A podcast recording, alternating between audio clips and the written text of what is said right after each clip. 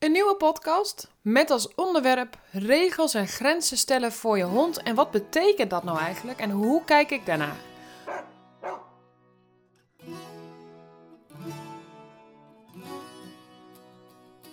Want ik krijg natuurlijk met regelmaat veel berichten over: hey Aniek, hoe zou dit en dit nou zitten? Uh, waarom doet mijn hond zus en zo? En vaak komt daar ook wel iets bij over regels en grenzen. Uh, ofwel in advies, dus we hebben, uh, hè, we hebben het advies gekregen om de hond niet meer op de bank te laten, of in het begin niet op de bank te laten, want nou ja, hij gaat meteen blaffen en zijn territorium bewaken en uh, allemaal van zulke dingen. En mensen zeggen ook wel vaak van ja, we, hè, dat is dan even in een hele, hele andere setting, maar dan beschrijven ze de hulpvraag en dan zeggen ze ja, we laten hem al niet op de bank. We, hij mag niet mee naar boven, hij mag niet schooien aan tafel. Allemaal van zulke dingen. En hij wordt ook vaak in dezelfde sfeer gezet als leiderschap. Dus we stellen regels en grenzen met het idee daar iets van leiderschap te vinden of te winnen of nodig te vinden omdat er leiderschap moet zijn. Een andere podcast gaat worden wat betekent leiderschap wat mij betreft. Maar los van dat is dat eigenlijk heel interessant, want waarom zetten wij regels en grenzen in dezelfde sfeer met leiderschap? En waar gaat het dan eigenlijk over? En hoe erg staat dat met elkaar in verbinding? Als ik denk aan het stellen van regels en grenzen, dan zit ik eigenlijk maar op één stukje. En dat is jouw hond verwachtingen geven op het moment dat de verwachtingen nodig zijn. Dus jij kleurt bepaalde dingen in om jouw hond eigenlijk een beetje richting te geven. Dit is wat we gaan doen. Dit is handig nu. Dit is niet handig. Um, het liefst zit je op dit is handig, maar soms zeg je ook dit is niet handig en kun je dat gewoon op een hele fijne manier aanleren en je hond daarin begeleiden. Regels en grenzen, daar ontkom je niet aan. Ze zijn essentieel in een opvoeding. Ik denk op het moment dat er regels en grenzen zijn, krijg je vrijheid. Als er geen regels en grenzen zijn, krijg je chaos. Ik neem toch altijd de vergelijking met een stoplicht. Om, omdat we als regel hebben bij een rood stoplicht stop je en in principe houden we ons daaraan. Hè, Soms niet, maar over het algemeen houden we ons daaraan. Als we dat niet zouden doen, als wij geen verkeersregels hadden bedacht, dan zou het echt een chaos zijn. Op dit moment weten we allemaal wat de regels en grenzen zijn. Die leer je als je je rijbewijs haalt. En daar houden we ons aan in het belang van veiligheid. Nou, daar heb je eigenlijk al één pijler te pakken. Want waarom heb je regels en grenzen? In het belang van veiligheid. Je kan niet meer op straat lopen. Je kan niet zomaar op een andere hond afdenderen. Het is misschien niet handig om zomaar op mensen af te stormen, enzovoort, enzovoort. Dat is in het belang van de hond, in het belang van de veiligheid van de hond. Maar het is bijvoorbeeld ook fijn in het belang van de veiligheid van een ander. Wat als er een oud omaatje loopt die niet zo goed te been is, of een kind van twee, we noemen maar wat. Maar ook in kader van veiligheid voor jezelf. Je hebt een sterke hond aan de lijn. Hé, hey, wat zijn de regels en grenzen? Regels en grenzen gaat voor mij over verwachtingen. Dus als we het hebben over dat stukje regels en grenzen van mag de hond wel of niet op de bank, mag de hond wel of niet in bed, mag de hond wel of niet mee naar boven. Ik zeg altijd, ja weet je, het interesseert me niet zoveel of dat wel of niet zo is. De vraag is op de eerste plaats ook, wat is je hulpvraag? En nee, daarmee beweer ik niet dat als jouw hulpvraag is, mijn hond blaft veel op de bank, dus hij moet van de bank af, want, want kennelijk is er een probleem op de bank en lossen we daarmee op. Want de vraag is waar de bal echt begint te rollen. Dus wat is het daadwerkelijke probleem wat aangekeken moet worden? Is het blaffen op de bank het probleem of een symptoom van? En is het zo dat als die hond van de bank gaat, dat er dan minder problemen zijn? Nou, dat hangt er natuurlijk een beetje vanaf hè, hoe je daarnaar kijkt. Dan raak ik heel even het stukje leiderschap aan. Vanuit leiderschap wordt dan natuurlijk gedacht, ja, maar dat is logisch, want hond zit op de bank, gaat de boel een beetje uh, domineren. Het is zijn territorium, die moet hij afbakenen. Uh, hij zit daar op zijn, uh, op zijn apenrotje een beetje de boel te, te, te regelen. En uh, ja, jij mag niet op die bank, punt. Even heel plat geslagen uitgelegd. Alleen ik zeg altijd: leiderschap gaat niet over principes. Leiderschap is geen principe kwestie. Het is niet zo dat als jij dan wel of niet op de bank gaat, uh, of, of de hond dan wel of niet op de bank mag, als jij wel of niet als eerste de deur uitgaat, dat daar dan een, een mega veranderende shift komt en dat die hond denkt: Nou, wow, hè, halleluja, uh, dit is echt, echt een enorm verschil. Want het is geen vaardigheid. Leiderschap is geen trucje. Alleen we gaan vervolgens wel op de trucje zitten om leiderschap te verkrijgen. Kan het zijn dat er gedrag door verandert? Ja, maar dan als management tool. En ondersteunend voor eventuele regels en grenzen. Dus stel je hebt echt een enorme hulpvraag die, die gaat over je bank. Je hond wil absoluut niet dat jij op de bank komt zitten. Dan krijg je een grondpartij, je krijgt een hond die niet aangeraakt wil worden, je krijgt een hond die er niet afgestuurd wil worden. Dan zou je potentieel kunnen zeggen: misschien is het handig om hier wat verschuiving in te brengen als regel en grens. Dus ja, je mag op de bank, maar in het kader van harmonie willen we de bank kunnen delen. Dus daar kom je eigenlijk op een stukje: hey, oké, wat zijn dan de verwachtingen als ik op de bank kom? Wat zijn dan de verwachtingen? Zijn die helder? Zijn die voldoende gecommuniceerd? Maar als we dan even teruggaan naar het trucje en naar regels en grenzen enkel als oplossing aanbieden, dan krijg je een bezwaar. Want wat nou als de hond op de bank zit en fysiek ongemak ervaart? Dus eigenlijk iedere beweging, jij gaat op de bank zitten, zijn kussen beweegt, hij is bang dat jij hem gaat aanraken, hem aanraken doet zeer, whatever, hè, noem het op. Dan zitten we eigenlijk naast het net te vissen. Dus vandaar dat ik altijd zeg: welk probleem heb je daadwerkelijk aan te kijken? Nou, een andere podcast is, die heb ik nog niet, die komt in de toekomst wel. Heb pijn bij honden. Het is een enorm onderschat onderwerp. Want heel vaak, ik hoor mensen al denken, op het moment dat ik dit benoem, zeggen mensen: ja, maar mijn hond heeft geen pijn. Totdat we verder gaan kijken. Pijnsignalen bij je hond herkennen is echt een must. Het is essentieel. Goed, gaan we even een stukje terug. Regels en grenzen in, het, in de sfeer tot leiderschap kan ik vaak niet zoveel mee. Het kan ondersteunend zijn in je training als je zegt: uh, we doen X of Y even een tijdje niet meer, bijvoorbeeld op de bank, om even iets goed te kunnen trainen, om uh, andere principes aan te leren, om uh, wat meer balans te vinden. Wederom ga je dan dus ook kijken naar het totaalplaatje. Wat speelt er nog meer? Wat is er aan de hand? Wat is de kern van het probleem? Maar dan kan het ondersteunend zijn als je zegt: hé, hey, X of Y doen we niet meer. Ik denk ook niet, of ik denk zelfs, is beter gezegd, dat het soms prima ondersteunend kan zijn als je zegt: ja, weet je, wij laten de hond gewoon niet op de bank.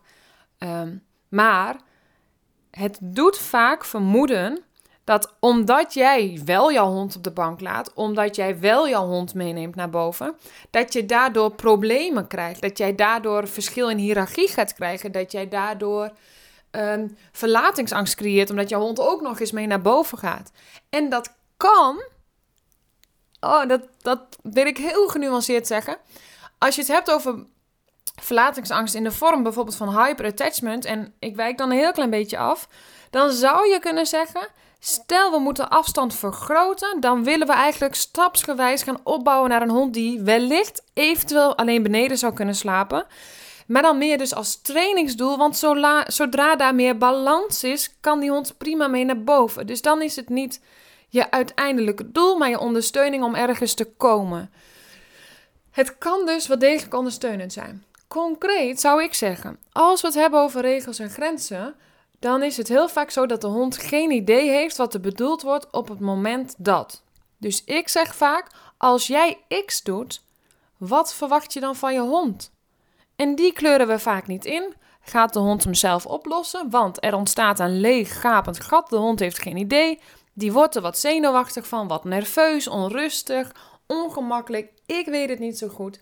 Wat is nu de bedoeling van mij? Dat wordt vervolgens niet verteld. Er ontstaat gedrag en dus een hulpvraag.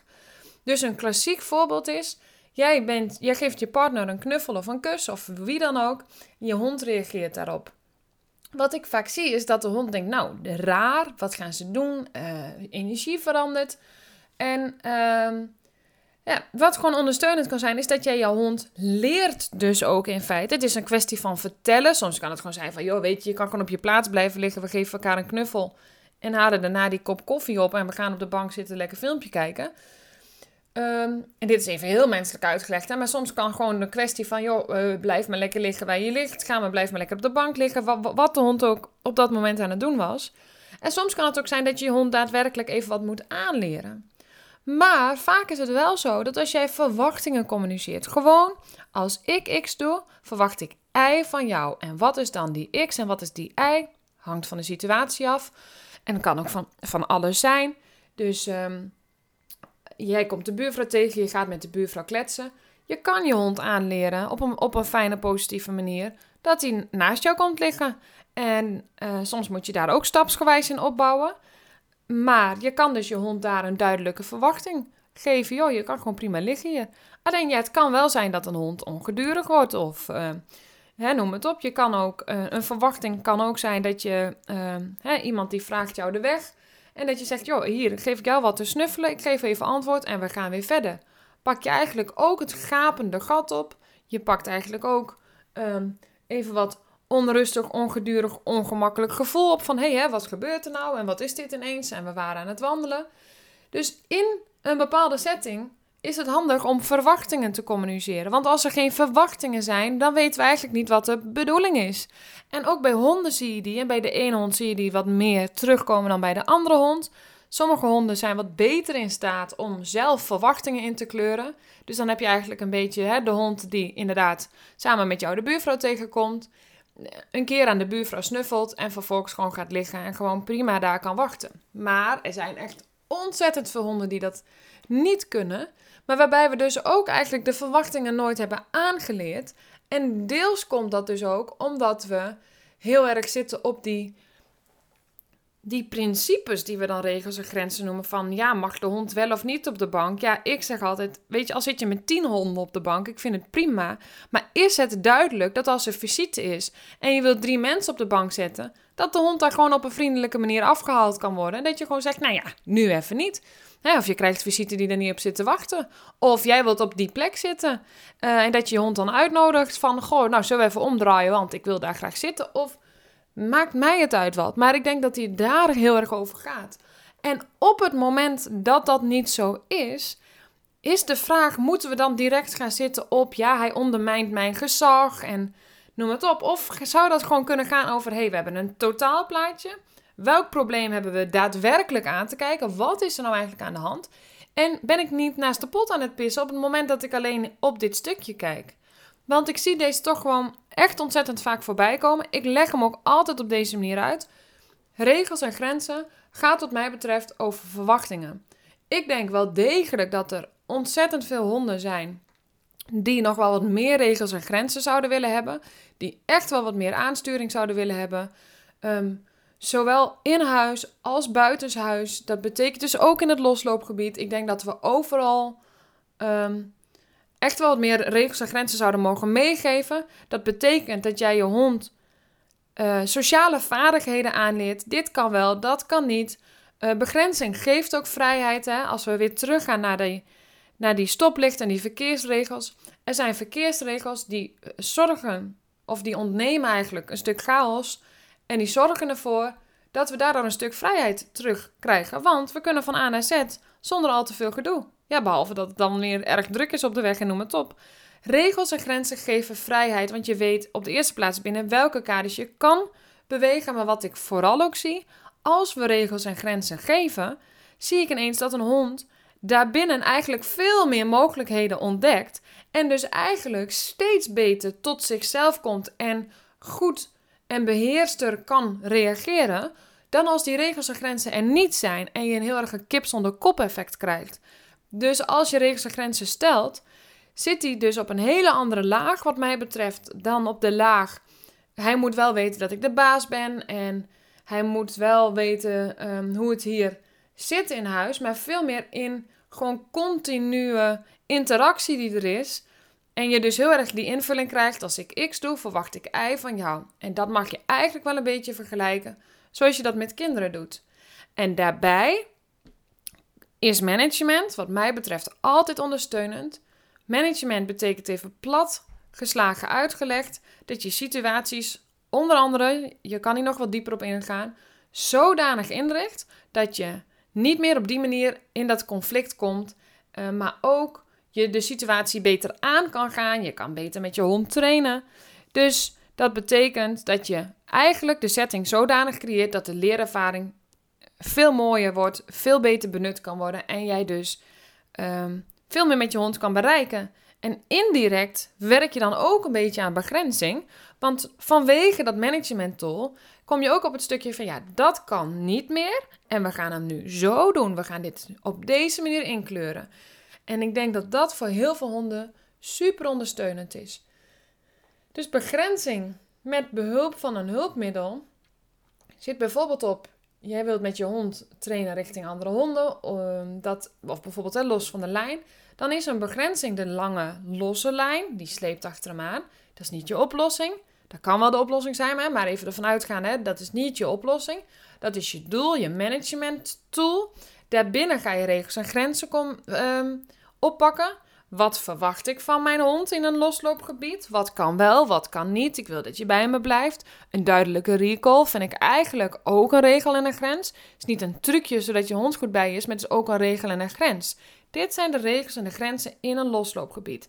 Dit zijn de sociale vaardigheden die nodig zijn om in een, bijvoorbeeld in een losloopgebied, sociaal vaardig gedrag te laten zien ten opzichte van, van andere honden, andere dieren, mensen, maar ook ter ere van dat losloopgebied waar ik loop.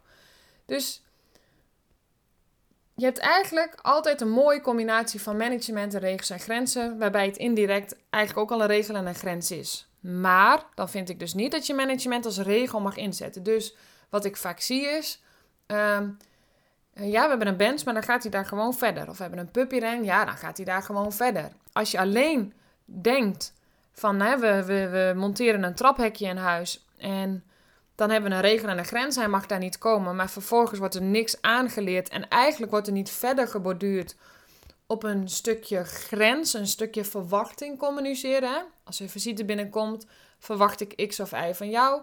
We pakken een puppyren, zodat we dat goed kunnen trainen. Zodat je niet meteen in het, in het conflict zit. Maar als je dat allemaal overslaat, dit en, en, en heel veel dingen die ik nog niet benoem, die gaan over het totaalplaatje van die hond, van de individu. Dus daar kan ik inhoudelijk ook niet meer op ingaan. Want dat hangt heel erg af van het totaalplaatje en de hulpvraag. Maar wat mij betreft is dit waar regels en grenzen over gaat. En hebben we daarin een andere laag aan te kijken dan de principes. Regels en grenzen zijn ook geen principes. Uh, soms wel natuurlijk, maar dan veel meer vanuit dit zijn de verwachtingen en die communiceer ik naar jou toe. En om heel eerlijk te zijn, vind ik dat we heel vaak geen verwachtingen communiceren. En om daar de podcast zo mee af te sluiten. Een, een andere regel en grens die ik vaak zie, waarvan mensen zeggen: Ja, nee, maar dat werkt echt heel goed. Maar ja, dat hebben we van begins af aan gedaan. Ik zeg heel vaak: neem die energie eens mee als je een bepaalde regel en grens wil stellen. Dus stel je hebt een puppy en ehm, je wilt X of Y leren, want nou, dat vind je gewoon echt heel, heel fijn of heel belangrijk. Bijvoorbeeld um, voetjes vegen voordat de hond naar binnen gaat als die buiten heeft gelopen. Ja, jij vindt het gewoon fijn, anders is je hele huis meteen vies. Als je dat van begin af aan super consequent hebt aangeleerd en daar stapsgewijs je stapjes in hebt gemaakt zodat de hond daarmee kan omgaan, zul je zien dat het goed gaat, want er zit ook een bepaalde andere energie achter. Stel, jij wilt gewoon niet dat je hond op de bank gaat en je hebt dat van begin af aan getraind, dan zie ik vaak dat mensen zeggen: ja, maar op de bank doet hij gewoon absoluut niet, want dat willen wij absoluut niet. Hé, hey, maar dat is wel interessant, want dan spreek je dus over intern je regel en je grens op orde hebben. Want als jij congruent jouw regels en grenzen wil aangeven, zit die wel ook op intern niveau. Dus je hebt op intern niveau ook iets aan te kijken. Is het helder voor de hond? Kan je intentioneel ook communiceren wat je wil, zonder dat je daar meteen boosheid en frustratie bij gooit? Ik bedoel, hè, we zijn allemaal wel eens boos en gefrustreerd of, of wat dan ook, maar... Of dat zou kunnen, hè? We, we kunnen allemaal wel eens boos, gefrustreerd, geïrriteerd zijn op de hond. Maar dat is wat anders dan intentioneel goed je grens kunnen neerleggen, waarbij het voor de hond helder is hoe of wat. En ik denk, als we dan dat bruggetje hebben naar leiderschap, is dat waar leiderschap voor mij over gaat. Het gaat niet over leiderschap vanuit principes, het gaat over dan persoonlijk leiderschap. Regels en grenzen gaat over verwachtingen communiceren. Heb jij jouw hond helder gecommuniceerd en in een duidelijke afronding, ook echt dus goed afgerond, wat je van hem of haar verwacht op het moment dat er X of Y is. Als jij nu een hulpvraag hebt, kan het natuurlijk zijn dat het wat langer duurt voordat je op dat punt komt. Enerzijds omdat je wellicht andere dingen hebt aan te kijken. Dus dan is de vraag: gaat de hulpvraag die ik stel wel over het. Hè, is dat wel het daadwerkelijke probleem? En anderzijds omdat je dus al een tijdje doet wat je doet. En dan kan het zijn dat het gewoon wat lastiger is om zo'n regel en grens erin te krijgen. Want het zit er al een tijdje in. En dan is even de vraag: moet ik daar stapjes in gaan maken? Heb ik een management tool nodig? ehm, om hem er gemakkelijker in te krijgen eigenlijk. Nou, dit was mijn kijk. Is mijn kijk op regels en grenzen, waarbij ik denk dat we veel genuanceerder de hond gewoon regels en grenzen kunnen geven. En waarbij ik denk dat we ook echt wel wat standaard regels en grenzen hebben. Hè? Eh, zoals inderdaad, hoe ga ik om met andere mensen, met kinderen enzovoort. Maar tegelijkertijd gaat het ook heel erg over regels en grenzen stellen in de interactie die er continu is. Bijvoorbeeld als je wandelt, bijvoorbeeld als je binnen in huis bent enzovoort.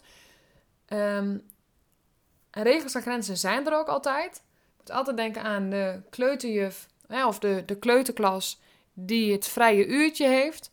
Ongeacht dat er een vrij uurtje is, betekent niet dat er op de. Hè, ze mogen kiezen of ze in de pophoek gaan spelen of in de bouwhoek of noem het op.